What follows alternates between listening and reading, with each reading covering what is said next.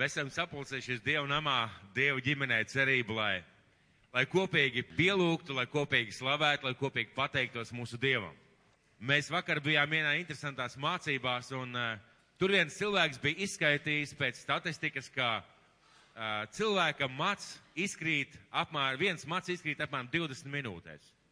20 minūtes viens mats izkrīt, 20 minūtes viens mats izkrīt. Un uh, Dievs saka, ka viņš ir saskaitījis visus mūsu matus. Pareizi? Tas nozīmē, ka Dievs pie mums ir vismaz ik pēc 20 minūtēm. Pareizi?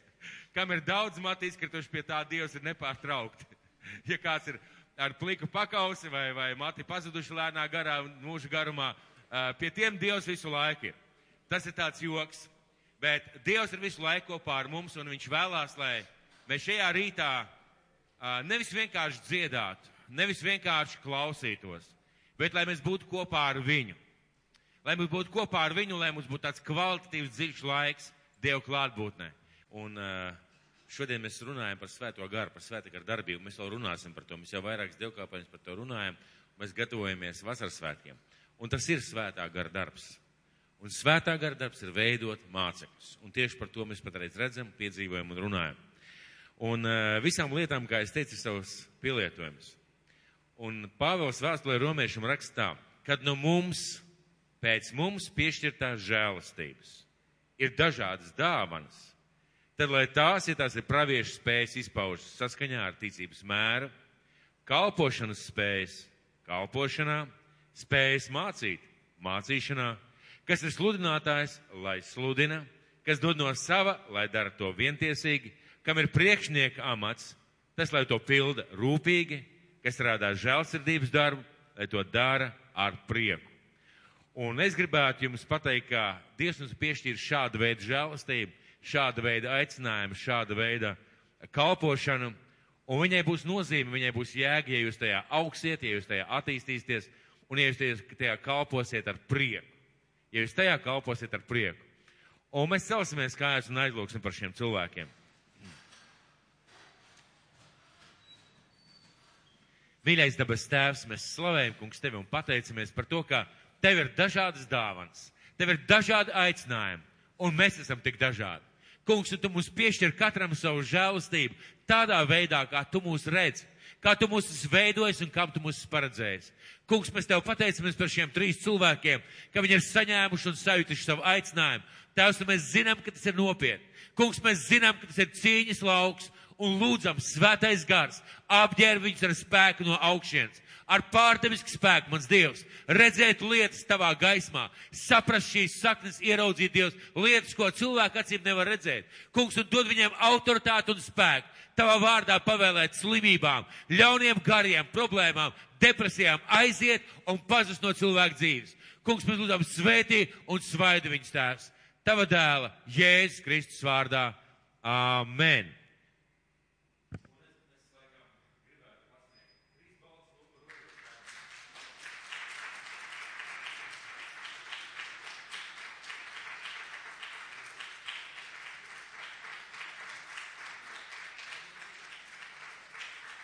Lūdzu, sēžties!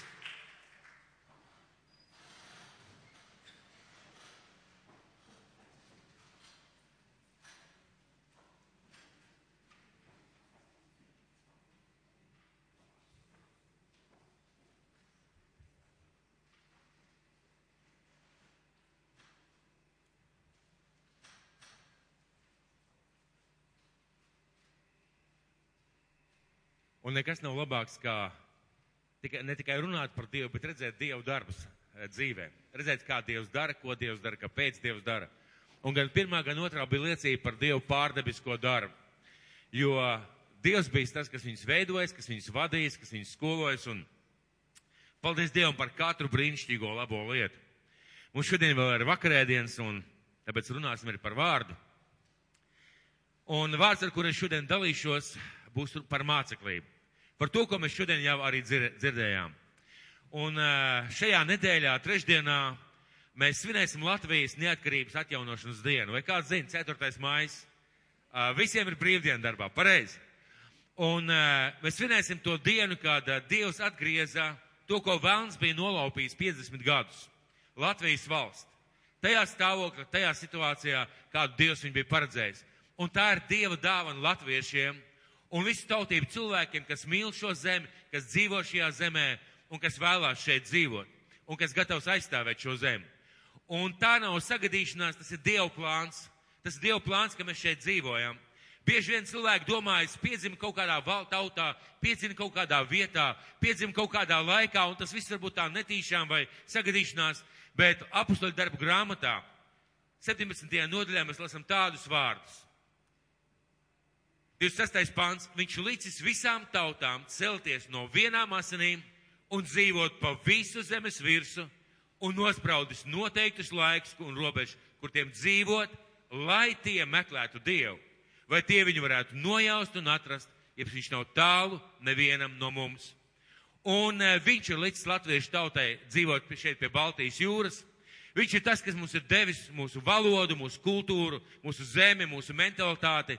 Viņš ir tas, kas mūs tādus ir izveidojis ar dažādiem apstākļiem un situācijām, un viņš to visu mums ir uzticējis. Mīļie, viņš šīs visas lietas mums, mums ir uzticējis, lai mēs to koptu, rūpētos un gādātu par to. Un visas tautas ir unikālas. Ziniet, kāpēc? jo Dievs ir radījis šīs tautas. Mēs nevaram atrast uz pasaules pat blakus dzīvojušas tautības vai tautībiņas, kuras uh, neatšķirtos viena no otras. Kāpēc? Jo Dievs tas ir radījis un Dievs visu rada vienā eksemplārā un brīnišķīgi. Un uh, Latvija un latvieši ir Dieva dāvana šai pasaulē. Mēs esam Dieva dāvana šai pasaulē, šai, šai civilizācijai, un mēs to arī svinēsim. Mēs svinēsim tikai Latvijas atjaunošanas svētkus, mēs svinēsim šo Dieva dāvanu. Dieva dāvanu mūsu dzīvē un pasaules dzīvē.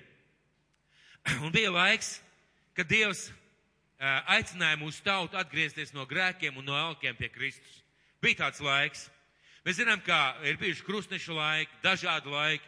Mēs zinām varbūt šo vēstures dažādus notikumus, bet mēs zinām, ka arī cauri visām šīm lietām Dievs darīja un dara savu brīnišķīgo darbu. Mēs zinām par brāļu draugiem, par šo atmodu vidzemē un, un, un, un uz Igaunijas pusi. Mēs zinām par uh, kristīgām baznīcām, kas ir bijušas visos laikos un gada laikos šeit. Bet šodien jautājums ir, kas Latvijai šodien ir vajadzīgs? Jā, tā ir pagātnes tas laiks, kurā mēs dzīvojam, bet kas Latvijai šodien ir vajadzīgs? Šodien Latvijai ir vajadzīgs nevis vienkārši atmoda, reizē mēs lūdzam pēc atmodas īsti nesaprotot vai neielūkot īsto nozīmi šajos vārdos. Vārds atmoda nozīmē pamošanās. Un pamodies var tikai tas, ko Dievs ir pamodinājis. Un ja mēs runājam par to, kas šodien Latvijai ir vajadzīgs, šodien Latvijai ir vajadzīgs svētā garā tērpti kristieši, Kristus mācekļi, sekotāji, jo tikai tāda spēja un var aizsargāt šo zemi un rūpēties par šo zemi. Un slavu Dievu un pateicību par mūsu zemi Latviju. Bet runāsim par to, ko mums darīt. Runāsim par to, ko mums darīt. Un mēs jau trešo svētdienu turpinām šo sarunu, kas it kā ir iestrēgusi starp lieldienām un vasaras svētkiem. It kā pa vidu, mēs esam it kā kopā ar mācekļiem pa vidu šiem svētkiem. Un mēs it kā esam apstājušies kopā ar viņiem un gaidam un izdzīvojam un pārdomājam tos notikumus, kad viņi gaidīja svētā gara apsolību. Kad viņi gaidīja, kad svētais gars nāks. Un viņiem šis bija laiks, lai pārdomātu, un arī mums ir šis laiks, lai pārdomātu. Viņi nezināja, kāds būs svētā gara atnākšanas zīmes. Viņiem nebija ne mazākās nojausmas, ko tas nozīmē, kā tas ir. Un mēs pat redzam, ka Jēzus viņus mācīja par daudzām lietām, pat par savu nāvu un augšām celšanos, viņiem bija tāds mistisks priekšstats.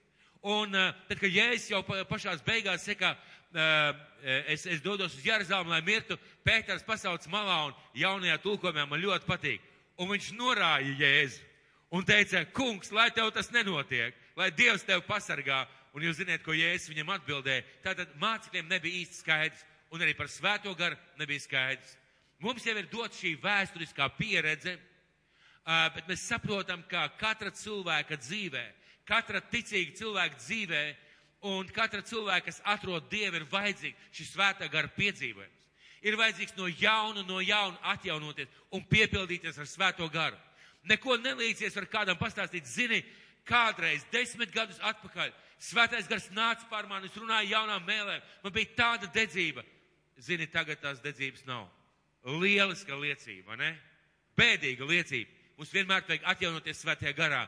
un lai tas notiktu, mums ir jārunā par to, par šo brīnišķīgo trešo Dievu personību, par svēto garu. Un mēs ļoti mērtiecīgi vairāk svētdienas runājām par šo apsolījumu, kas bija dots viņiem un kas dots visiem, kas ko Dievs pieaicinās līdz pašam pasaules galam. Mēs runājam par slāpēm pēc lietus. Vai kāds atcerās to uh, bleķa katliņu ar uh, to ar kausiņu, ko es daudzīju? Un tad divos spirtos izstiepto glāzi, kas ne, diemžēl nebija kristāla, bet nu tomēr. Dievs, es ilgojos pēc tevis, es slāpstu pēc tevis. Mēs runājam tad par šīm slāpēm, kas izpaužās, kad tu pilnīgi savā dzīvē lūdzot pēc svētā gara dzemdē, it kā dzemdē šīs Dieva lietas savā dzīvē, ko Dievs ir apsolījis. Pagājušajā svētdienā mēs runājam, kāpēc man obligāti ir vajadzīgs svētais gars. Un kāpēc, jo bez svētā gara es nespēšu izpildīt savu aicinājumu. Nav iespējams bez svētā gara izpildīt to, ko Dievs mani, tevi, mūs visus ir aicinājis darīt. Un vai jūs atceraties tos divus dēlīšus? Tos divus dēlīšus, ko vajadzēja saneglot kopā, kas bija kā mans aicinājums, šie divi dēlīši. Un tad to āmuru, ar ko mēs sadauzījām viņus kopā un naglas, pareizi. Mēs runājam par to, ka uh, mūsu dzīvē šie divi dēlīši it kā ir doti kā mūsu aicinājums. Un Dievs iedod naglas un saka, lūk, tev uzdevums, panāc, izdara, lai šie dēlīši būtu kopā Un es jau teicu, pagājušajā reizē mēs varam sēdēt, raudāt, iet meklēt kādu, tā kā, tā kā Kristīna teica, sūtīt, pie kā aizsūtīt, jā? Ja? Pie kā aizsūtīt to cilvēku, ko Dievs manā dzīvē ir atsūtījis, jo es jau nekā nevaru izdarīt, pareizi. Un Dievs iedod šos, šos dēlīšus, iedod šīs naglas, saka, sanaglo kopā. Un tad, lai to izdarītu, mums ir vajadzīgs āmurs. Un es rādīju šo lielo āmuru, mēs naglojam šie dēlīšus kopā, un es priecājos par tiem jaunajiem cilvēkiem, dažiem, kur nokāp no skatos, pēc tam tev šeit sanagloja ar dēlīšu. Pārējie nokautrējās, bet, bet pāris cilvēki riktīgi sanaglojušos dēļus kopā tā, ka, tā, ka bija jānodedzina, nevarēja izraut ārā. Bet tā bija līdzība. Tā bija līdzība. Mēs šodien turpināsim pārdomāt un runāt un pārunāt, jo ticība nāk no sludināšanas un sludināšana no Kristus pavēles. Kāpēc man vajag? Kāpēc man obligāti vajag svēta gara kristību? kāpēc man vajag atjaunoties, kāpēc man vajag piepildīties ar svēto garu. Un vārds, ko es dalīšos, sauksies māceklis, lai darītu par mācekļiem. Māceklis, lai darītu par mācekļiem. Un te uzreiz paceļās jautājums. Man tev ir jautājums. Vai tu vari nosaukt sevi par mācekli? Es neprasīšu tev atbildēt, bet, paldies par atbildi, bet vai tu sevi godīgi vari nosaukt par mācekli? Vai tu sev godīgi vari nosaukt par mācekli vai par tādu, ko Jēzus būtu nosaucis par mācekli? Un vārds ir māceklis, lai darītu par mācekļiem. Un es šeit nedomāju baznīcā nācēju, sēdētāju vai draudzes locekli. Es nedomāju, jo vienmēr draudzēs ir bijuši cilvēki, kas nāk sēž baznīcā un beigās viņi nemaz nav mācekļi, viņi nemaz nesako Kristumu. Viņiem vai nu patīk mācītājs, vai pietiekoši labi draudzē, vai ir labi svētdien atnākt, vai patīk šī te divbīgā sajūta, es esmu bijis baznīcā. Es zinu, kā tas ir.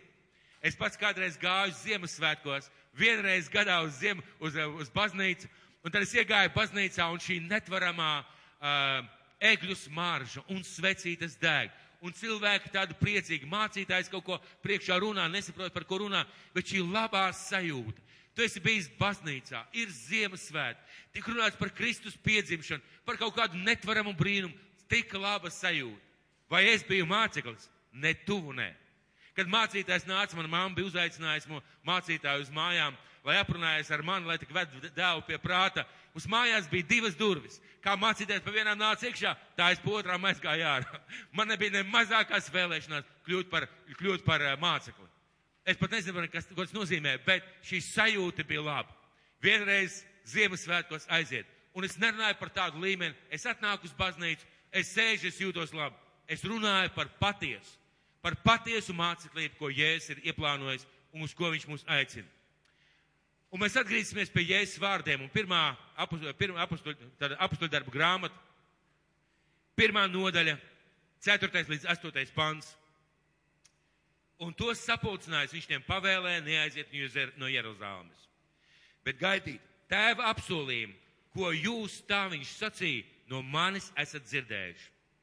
Jo Jānis gan ir kristījis ar ūdeni, bet jūs tiksit kristīt ar svēto garu pēc nedaudz dienām. Bet tie, kas bija kopā, viņam vajadzēja kungs, vai tu šī laikā atkal uzcēlis Izraēlam valstī? Viņš tiem atbildēja, nav jūsu daļa zināt laikus vai brīžus, ko tēvs nolicis savā pašu varā, bet jūs dabūsiet spēku, kad svētais gars būs nācis pār jums un būsiet mani liecinieki kā Jeruzalemē, tā visā Jūdejā un Samarijā un līdz pašam pasaules galam. Jāsaka, jūs būsiet mani liecinieki, bet kādā veidā? Jūs būsiet mani liecinieki, bet kādā veidā? Ar apģērbu. Varbūt man staigāt kā 200 gadus atpakaļ staigāja Latvijā cilvēki vai Amerikā. Mēs zinām, ir tāda kultūra kā amiši. Vecās drēbēs brauc ar ratiņiem, nelieto transportu. Vai tas ir liecība? Tad es vēl esmu dzirdējis tādu pārsteidzošu liecību, ko man stāstīja ticīgs cilvēks. Viņš bija nonācis slimnīcā, un slimnīcā viņš guļ palātā, un vienā tādā pārtraukumā vai kaut kad pa vidus, kad apmeklētāju laiks, atverās durvis, ienāk iekšā viens cilvēks un saka, lai Dievs jūs visus svētī, lai Dievs jūs visus izārstē. Aiztais durvis un aiziet. Un viņš pat ticīgs cilvēks būdams domāja, kas tas bija? Kas tas tāds bija? Par ko ir runa vispār? Vai tādā veidā, lai liecinātu? Vai tādā veidā, ja es domāju, ka mēs tādā veidā uh, liecināsim, vai tikai pastāstīt, ka cilvēkiem, ka Dievs ir un ka Dievs mīl, vai tikai tāda Dievs liecība gaidīja? Ko Jēzus teica, ko darīs svētais gars? Ko darīs svētais gars? Kad viņš atnāks, jā, viņš būs spēks jūsu dzīvē, jūs būsiet liecinieki, bet ko viņš darīs?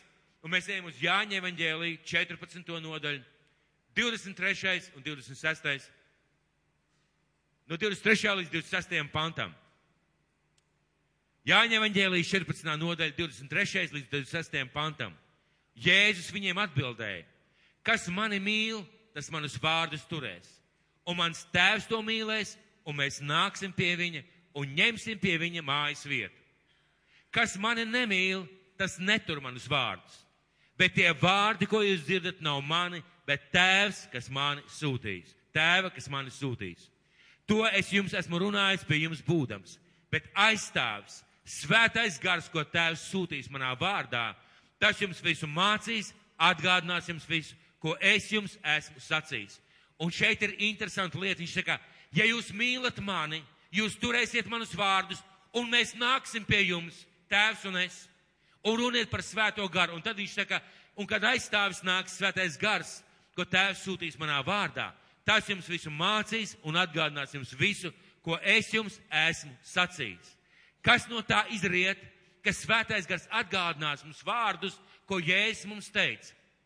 Un ja mēs runājam par šo liecību, ja mēs runājam par to, ko mums vajadzētu darīt, kādiem mums vajadzētu būt, ir daudz dažādas lietas, bet es sajūtu aicinājumu skatīties un iet uz Mateja evaņģēlī 28. nodaļu.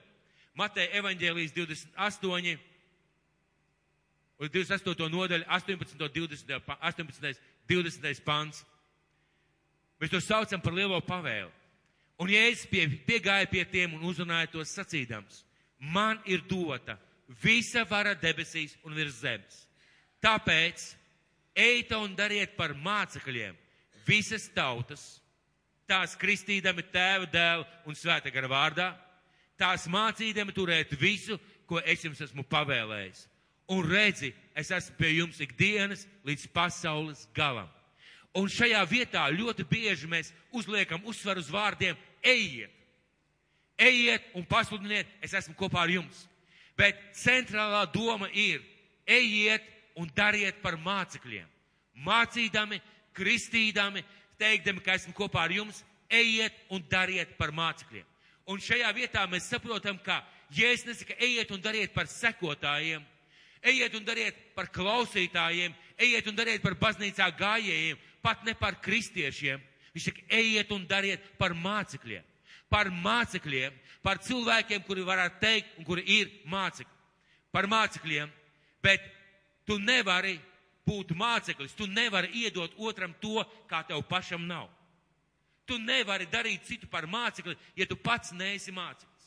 Mēs bieži esam runājuši un teikuši to, ka Dievs mūs ir aicinājis darīt mācekļus. Bet no kā sākās darīt par mācekļiem? Kad es pats personīgi esmu māceklis. Vai jūs atceraties Jānis un Pēters? Tā kunga dienā iet uz, uz templi. Pie krāšņām durvīm sveic kāds cilvēks, kurš ir izlis no mācas miesām. Un viņi skatās šo cilvēku, viņš uz viņiem, un viņš gaida kādu dāvanu. Un tad ir tādi ļoti, ļoti dziļi un uh, Dieva principā balstoti, balstīti vārdi. Jānis un Pēters saka, kas mums ir, to mēs tev dodam. Celies augšā Jēzus Kristus vārdā. Un noslēpums ir tur, ja tev nav, tev nav ko iedot. Ja tu pats neesi māceklis, tu nevari citus darīt par mācekļiem. Nav iespējams. Ir viena lieta, man, ko man nepatīk darīt. Man divas lietas nepatīk. Uh, augstums, man nepatīk rāpot pa augstām stalažām, staigāt pa jumtiem, un man nepatīk slēpot no kalna. Un tagad iedomājieties, ka es teiktu zini ko, es tevi iemācīšu slēpot. Es zinu, ka tā ir laba lieta, tā ir forša, daudziem patīk. Es tevi iemācīšu slēpot. Vai es kādam varētu iemācīt slēpot? Vienīgais veiksmīgi nokrist. nokrist tā, lai nesadauzītos, lai nevaltos. Vienīgais, ko es varētu iemācīt pareizi. Vai iemācīt, tās ir slēpes un tas ir bugals. Tālāk nezinu. Tieši tāpat mūsu dzīvē. Tieši tāpat mūsu dzīvē. Ja Dievs ikvienu no šiem cilvēkiem, kas jūs šeit sēžat, Dievs svētais gars ir runājis uz jums un teicis, ejiet un dariet par mācekļiem. Bet pirms es kādu varu darīt par mācekli, man pašam ir jākļūst par mācekli. Tas nozīmē, tas nozīmē, ka man ir jāļauj, lai svētais gars man izveido par mācekli. Lai es pats kļūstu par mācekli. Tātad, ko darīs svētais gars mūsos vispirms? Jā, viņš atklāja Dievu mīlestību. Viņš runā par žēlastību, viņš runā par piedošanu, viņš runā par to, ka esmu Dieva bērns, un viņš runā par šīm lietām, atklāja. Bet ko vēl viņš dara? Ko viņš grib veidot no manis? Viņš grib veidot mani par mācekli. Viņš grib veidot mani par mācekli, un ko viņš grib caur mums izdarīt? Veidot citus par mācekļiem. Tātad, ja es pats neesmu māceklis, es neesmu svētā gara gribā. Dzirdi mani? Vai kā tev varbūt šajā mirklī gribētos apvainoties, es esmu kristietis, es nāku uz baznīcu, es kalpoju Dievam, es ziedoju. Ja tu nevari pateikt, esmu māceklis, kas seko Kristum, tu neesi tajā vietā un tajā aicinājumā un tajā redzējumā, ko Dievs ir paredzējis tavai dzīvei. Mūsu piemērs ir Jēzus Kristus pareizi. Visi pateiks āmen, vai ne? Uh, un viņš teica Lūkas evaņģēlijā 4. nodaļā, tā kunga gars ir uz manis, jo viņš man svaidīs runāt prieka vēstu nabagiem, akliem gaismu, pasludināt atspērnāšanu cietumniekiem, akliem gaismu, satriektos palaist vaļā un tā kunga žēlastības gadu. Un viņš dziedināja, viņš atbrīvoja, viņš deva gaismu, viņš, viņš eh, kalpoja cilvēkiem ar šīm fiziskām vajadzībām. Bet galvenais, galvenais, kas palika pēc viņa, palika 11 mācekļi. Lūk, kas palika pēc viņa. Lūk, kāpēc nav tik svarīgi, ka tu tiec dziedināts. Ir svarīgi, ka tu tiec dziedināts. Bet nav, jo dziedināšana ir īslaidzīga. Tev dziedināja no šīs slimības, pēc kāda laika tev var atnākt cita slimība tevi atbrīvoja no šīs depresijas. Ja tu nestaigā ar Dievu, nākušā depresija jau klauvē pie durvīm. Ja tu nemeklē Dievu vārdā gaismu, tad, ja tu šodien saņem gaismu kādā jautājumā un saprat, ko Dievs tev saka, rītā atkal atnāks jautājums, kur tev vajadzīga ir atbildi. Jēzus darīja šos brīnumus, viņš dziedināja, svētā gara spēkā atbrīvoja, izdzina ļaunos garus, bet galvenais, ko viņš izdarīja, viņš izveidoja šos 11 mācekļus. Un vasaras svētku dienā mēs redzam, tur ir 120 mācekļi. Ko tas nozīmē? Ka Jēzus teica darīt to, ko pats darīja. Pirmām kārtām viņš pats to darīja. Jo mācekļi tas ir paliekoši. Un svētā gara uzdevums. Svētējiem garam ir daudz uzdevumu, bet viens no galvenajiem uzdevumiem - darīt mūs par mācekļiem.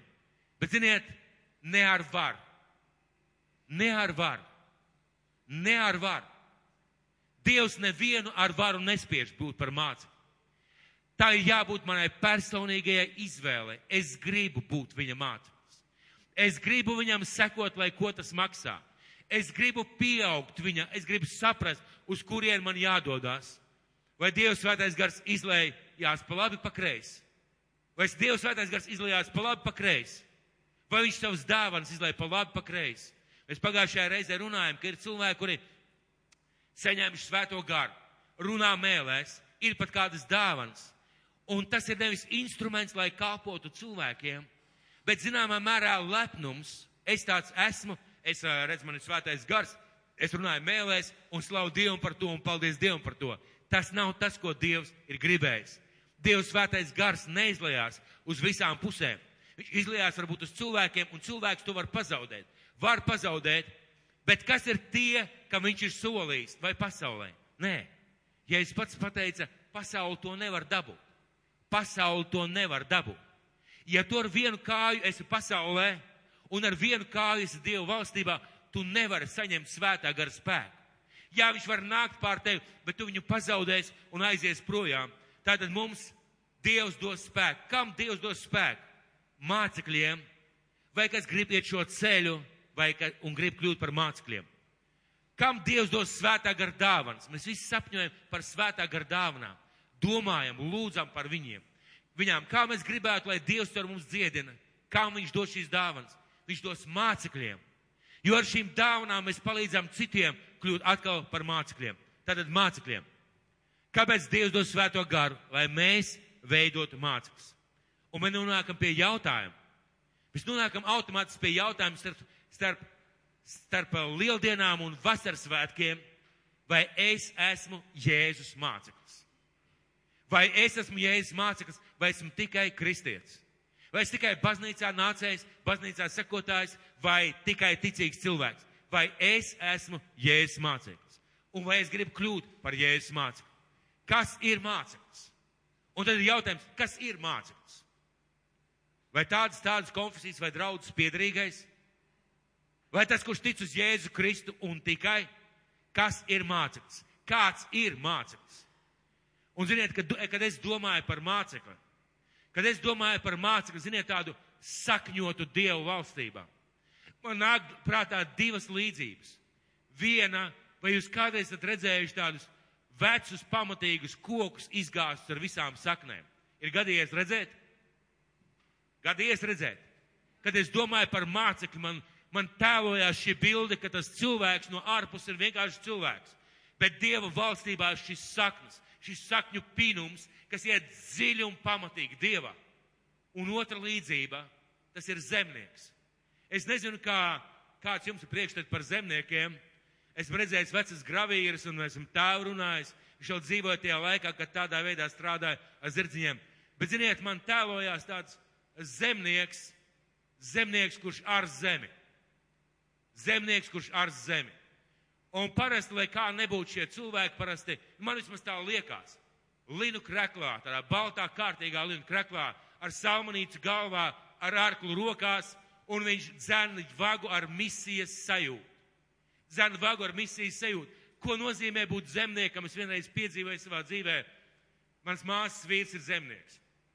Un uh, Protams, ka dažādi apstākļi varbūt reizēm noslāpē to uguntiņu vai to vēlēšanos būt zemniekam. Bet tas bija pašā, pašā sākumā, kad varēja iegūt zemi, kad varēja uh, saņemt šo zemi, kad varēja iegādāties tehniku par valsts aizdotu naudu. Un vienā reizē es biju pie viņiem pa, agrā pavasarī. Tikko, tikko bija nokus sniegs. Rīgā vairs sniega nebija. Pie viņiem tikko, tikko bija nokus sniegs un uz kalnu pakājiem, uh, kalngaliem vēl bija sniegs. Un vienā svētdienā mēs no rīta pieceļamies, ja nemaldos, tā bija svētdiena vai ses, laikam sestdiena Mēs bijām tālākā pie viņa. Un ziniet, ka viņš saka, iesim apskatīt zemi. Kas tur ko redzē? Iesim apskatīt zemi.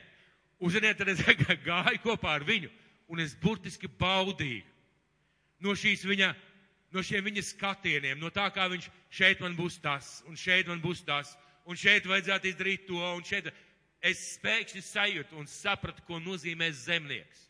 Viņš dzīvo šajā zemē, viņš sakņojās šajā zemē, viņš mīl šo zemi. Un, kad es domāju par mācekli, es redzu tā mācekli, kurš sakņojās Dieva vārdā, dzīvo kopā ar Dievu un iet kā šis zemnieks ar tādu misijas sajūtu un neatkarīgi no apstākļiem dzēn savu vagu. Un nekas nevar viņu apstādināt. Jūs ziniet, ka zemniekiem parasti tā bija un tā arī tagad ir. Laika apstākļi nav šķērslis. Ja vien ir iespējams, viņš dara to, kas viņam ir jādara. Viņš iet uz mērķi, uzart šo lauku, apstādīt, lai būtu raža. Un es redzu zemnieku mācekli, līdzīgi kā šo zemnieku. Bet ko Jēzus teica? Mācekļiem bija jautājums. mācekļiem arī tajā laikā bija jautājums, kas ir māceklis? Kāds ir māceklis? Kādai īpašībai jābūt māceklim? Un es viņam atbildu šo jautājumu Lūkas evaņģēlijā 14. nodaļā, 25. līdz, 30, eh, līdz 33. pants, Lūkas evaņģēlijas 14. nodaļa, no 25. līdz 33. pantam. Lasīsim kopā. Bet daudz ļaužu gāja viņam līdzi, un apgriezdamies viņš tiem sacīja. Redziet, arī šajā vietā daudz ļaužu gāja viņam līdzi. Šodien daudz ļaužu iet uz baznīcu. Šodien daudz ļaužu saka, es ticu uz Jēzu Kristu. Šodien daudz ļaužu saka, esmu kristietis, es esmu tajā un tajā draudzē. Bet daudz ļaužu gāja viņam līdzi un apgriezdamies viņš tiem sacīja, ja kāds nāk pie manis un neienīs savu tēvu un māti, sievu un bērnus, brāļus un māsas un pat savu pašu dzīvību, tas nevar būt mans māceklis. Un šajā vietā es gribētu apstāties šī absolūti pārprastā vieta. Ja mēs skatāmies uz Kristu, mēs redzam, viņš mācīja mīlēt cilvēkus. Viņš mācīja mīlēt tuviniekus. Viņš mācīja rūpēties par tiem. Viņš mācīja, viņa balss saka, cieni tēvu un māti. Viņš saka, mīli savu tuvāko kā sevi pašu. Kāpēc šāda disharmonija vai šādas lietas? Un ja es šeit vietā pasaka, kā mīlestībai, jūsu mīlestībai uz mani, jūsu sekošanai man jābūt tādai, kā jūsu mīlestība uz tuvajiem cilvēkiem ir gandrīz kā naids. Salīdzinoši ir gandrīz kā naids. Kā esmu jums pirmajā vietā, kad debesu valstība ir jūsu dzīves mērķis un pamats. Un salīdzinot ar to, kā jūs mīlat un zenaties pēc manis, jūsu tuvinieku attiecības, jūsu attiecības ar bērniem, sievām, dažādām lietām pašam ar savu dzīvi ir gandrīz kā šis ienaids. Salīdzinoši kā bezdibens. Un ja es saku, ja kāds grib būt mans māceklis, viņam jāmīl man tādā veidā, kas nenes savu krustu un nesako man pakaļ, tas nevar būt mans māceklis. Kas nenes savu krustu, un mēs zinām, ka ir Dieva jūgs un Dieva krusts. Ir divas lietas. Un krusts ir tās varbūt problēmas vai ciešanas, kuras mēs nesam Kristus dēļ, tās grūtības. Jūgs ir tas, ko mēs darām priekš Dievu. Un ja es saku, ja jūs neņemat savu krustu, to, ko jūs varat dabūt tikai sekojot man, to nevar dabūt vienkārši tāpat sekojot. To var dabūt tikai sekojot man. Man patīk brālis Arķems stāstīt kādreiz kādu līdzību, jeb kādu stāstu, ka cilvēks, cilvēkam Dievs iedod krustu, un cilvēks iet un stāv un pukst, tas krusts ir liels un tāds pamatīgs un smags, viņš pukst un stāv un saka, Dievs, vai nevarētu to krustu darīt mazāk? Dievs saka, labi, šis krusts paliek mazāks. Nu, ja viņš priecīgāks iet, bet pēc kāda laika viņš atkal ir noguris. Viņš saka, Dievs, bet vai nevarētu dabūt šo krustu vēl mazāk? Nu, pārāk smags, nērti nest. Dievs saka, labi, labi, lai šis krusts ir mazāks. Un šis krusts tāds, ka jau padusē var paņemt. No nu, cilvēks iet, bet atkal ir nērti, ir karsts, saule ir nērti. Un viņš saka, Dievam, Dievs, bet vai nevarētu dabūt šo krustu vēl mazāk? Dievs saka, nu labi, lai ir vēl mazāks. Un viņam ir šitāds krustiņš. Viņš uzkar kaklā un priecīgi iet. Un viet pienāk mirklis, viņš pienāk pie aizas. Viņš ir vienā pusē, Dievs ir otrā pusē. Un viņš ir kā lai es tiek pāri, un Dievs viņam saka, redz, tas krusts, ko es tev biju iedevis, tas bija tavs tilts. Tu pats izvēlējies nogriezt pa gabaliņam, pa gabaliņam, pa gabaliņam. Un redziet, kur tā lieta, kur tā lieta, ka Dievs saka, ja tu neņem savu krustu, bet ar prieku, ar mīlestību, un neseko man pakaļ, neseko man pakaļ. Kur Dievs šobrīd iet tavā dzīvē? Man te ir jautājums, ja tu esi māceklis, kur Dievs tavā dzīvē šobrīd dodas? Kur tu viņam vari sekot? Varbūt tev pat nav idejas. Tas nozīmē tikai to, ka varbūt tu nemaz neesi īsts māceklis. Varbūt tev būtu jāpadomā par to, ka man vajadzētu kļūt par mācekli un sākt domāt, kur Dievs mani ved. Kas ir viņa ceļi? Kādā veidā man doties tālāk? Un tālāk viņš saka šiem cilvēkiem, viņš saka, izvērtējiet paši. Ja viņš saka, izvērtējiet, tas nozīmē, ka bija iespēja. Ja viņš saka, ka mēs varam izvērtēt, mums ir iespēja. Un mums visiem ir iespēja pateikt, nē, Dievs, es negribu būt tavs māceklis. Un lūk, ko viņš saka tālāk. Jo kurš būtu jūsu starpā, kas gribētu celt torni un pa priekšu neaps, neap, neapsēstos, lai, lai aprēķinātu izdevumus, vai viņam pietiks līdzekļu darba izvešanai, lai vēlāk, kad viņš jau ir licis pamatu, nevar to pabeigt, visi, kas to redz, nesāktu zoboties par viņu. Sacīdami, šis cilvēks iesāka gan celt, bet nevarēja darbu izvest līdz galam. Jeb, kur ir ķēniņš, kas grib iet karot pret otru ķēniņu, pa priekšu neapsēdies, lai neapspriestos, viņš ar saviem desmit tūkstošiem varēja stāties pretī tam, kas nāk virsū 20 tūkstošiem. Un ja ne, viņš kamēr tas vēl ir tālu, sūtīs vēstnesi, lai lūgtu mieru. Gluži tāpat neviens no jums, kāds neatsakās no visa, kas viņam pieder, nevar būt mans māceklis. Sāls gan ir laba lieta, bet kad pats sāls maitājas, ar ko to atkal varēs uzlabot? Tā vairs nedara pat ne zemē, ne mēsliem, tā ārā metama, kam ir ausis dzirdēt, tas lai dzird. Un jāsaka, ja jūs gribat būt mani mācekļi, jums ir jāsaprot, ka jums ir jāizvēlās, jāizvēlās sekot man. Jums ir jāiemīl man, jāiemīl mana valstība, jāiemīl tas ceļš, ko, man, ko es, ko, pa kuru jūs ved, un jāmeklē tas ceļš savā dzīvē, lai ietu kopā ar Dievu, lai būtu māceklis, kurš mācās un pieaug Dieva ceļos. Un Jāņa evaņģēlijā, 15. nodaļa, 8. pants, viņš atkal saka tā. Ar to mans tēvs ir godā celts, ka jūs nesat daudz augļu un topat par maniem mācekļiem. Bet sastajā pantā pirms tam viņš saka interesants vārdus. Ja kas nepaliek manī, tas kā zars izmetams ārā un sakalst, to savāc un iemet ugunī un tie sadeg. Ja jūs paliekat manī un mani vārdi paliek jūsos, jūs varēsiet lūgt, ko gribat, tas jums notiks. Es gribētu jūs aicināt šajā mirklī, aiztaisīt acis un iedomāties, kūpošu zemi pavasarī. Un tādu kārtīgu zemnieku salmanīcā ar arklu šīs zemes, kas ar misijas sajūtu ar. Iedomājieties šādu zemnieku un ieliec sevi šī cilvēka vietā. Vai tu tāds esi Dievu valstībā? Un varbūt vēlreiz aiztaisīsim acis un iedomājieties izgāstu koku ar visām saknēm, bet tādu lielu pamatīgu. Un iedomājies, ka tu esi tas koks un šīs saknes stiepjās zemē, un tās ir tavas saknes dievā.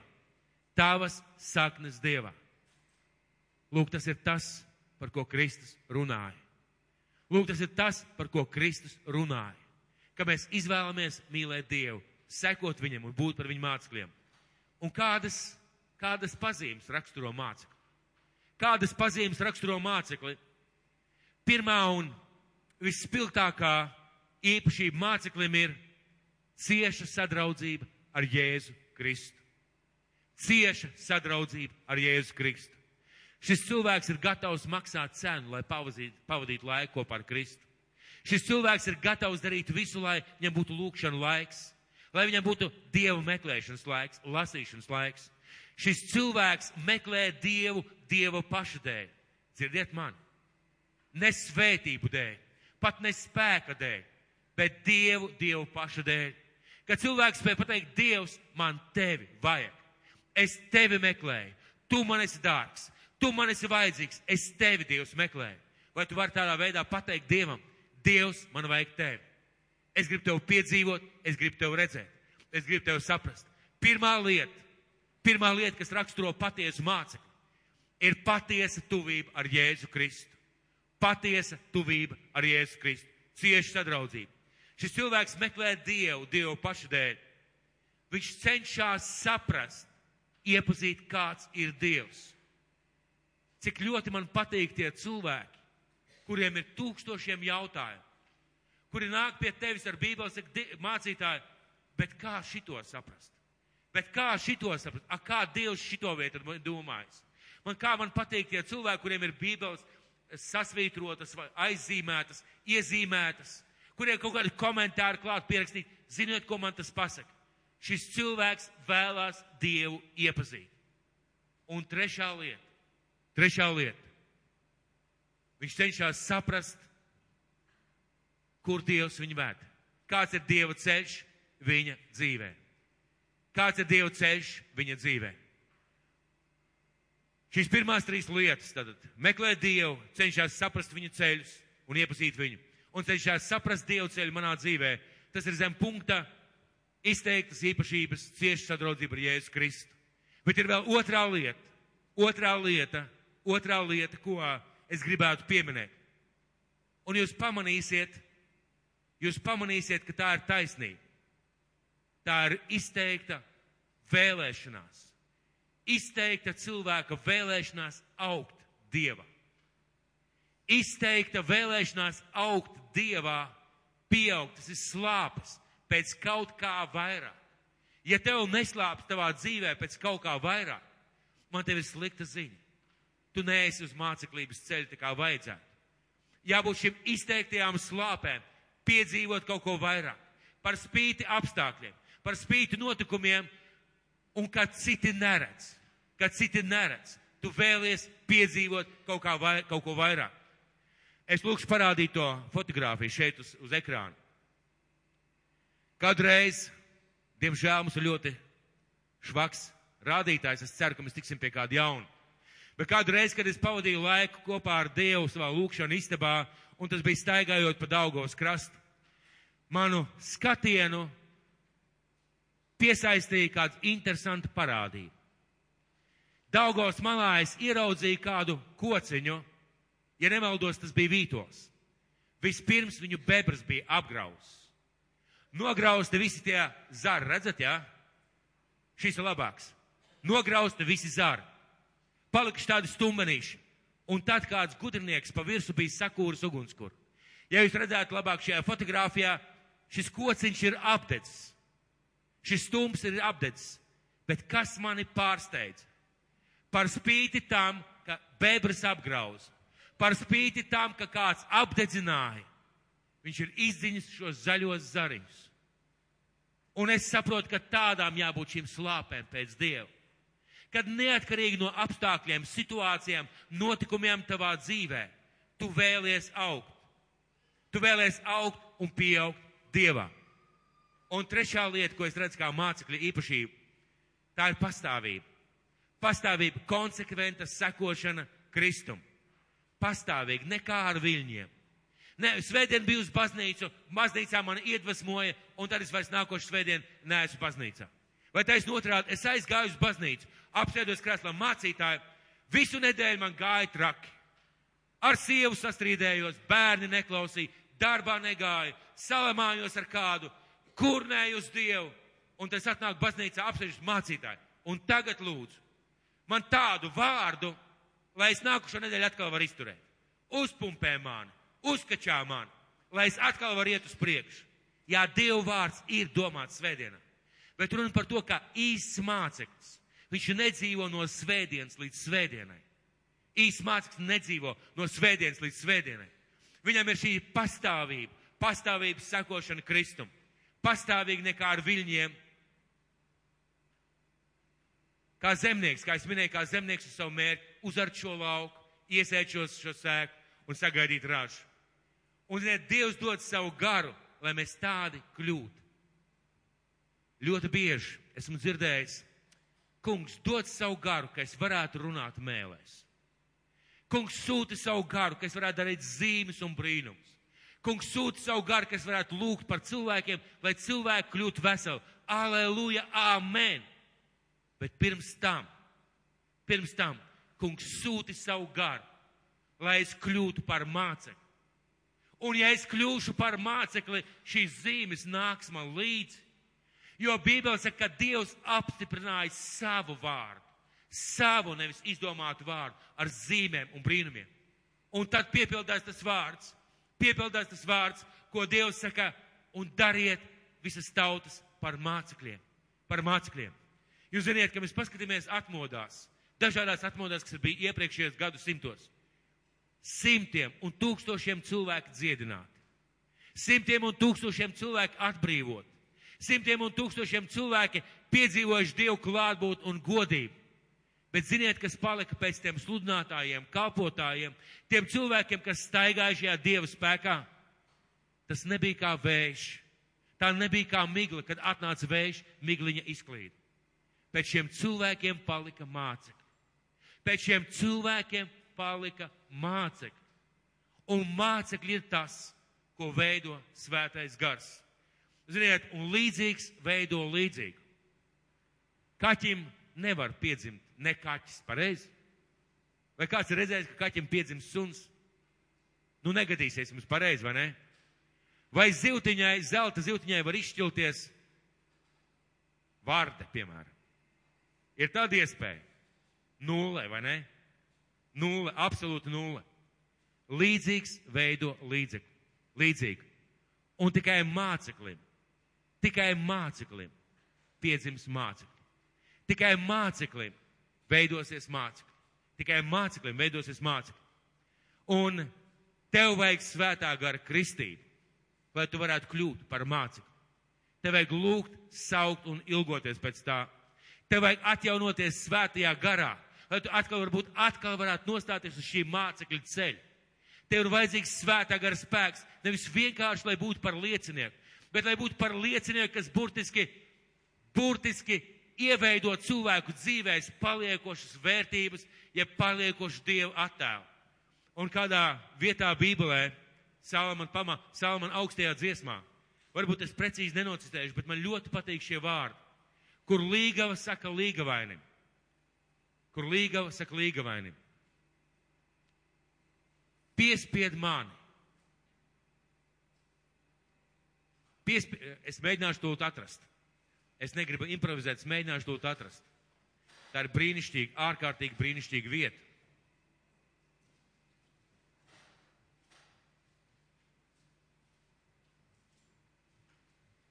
Varbūt kāds man palīdz. Tātad augstā dziesma, astotā nodaļa. Sestais pants augstā dziesma, 8. nodaļa, 6. pants.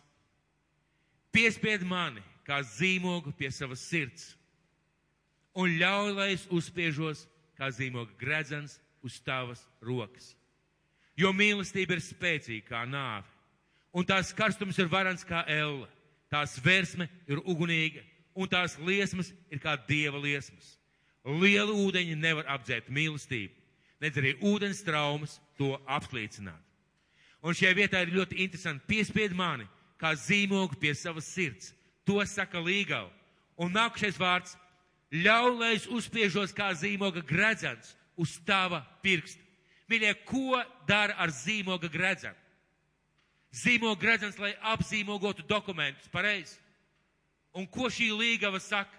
Tā ir, manuprāt, patiesa mācekļu lūkšana. Kungs, ļauj, lai esmu zīmoga gredzens uz tava pirksta un apzīmogot caur mani ar sevi šo pasauli, lai pasaulē veidotos mācekļi. Un ja pasaulē būs mācekļi, ja Latvijā būs mācekļi, ja svētais gars mūs darīs par mācekļiem, mīļie, nekas mums nav bīstams, nekas mums nekaitēs. Un tad mēs varēsim kā šis kociņš. Parādiet, lūdzu, varbūt vēlreiz šo kociņu, Monta. Parādiet vēlreiz šo kociņu. Ja kāds vēlās pēc divkalpojuma parādīšu telefonā, kāds viņš izskatās pa īstam. Ja mēs būsim mācekļi, mēs varēsim kā šis kociņš nograusts gandrīz līdz zemē, nodedzināts melns un tomēr dzīt asnus. Lūk, kāpēc mums ir vajadzīgs svētais gars. Pirmām kārtām, lai mēs būtu mācekļi un lai mēs veidotu mācekļus. Lai Dievs tevi svētī.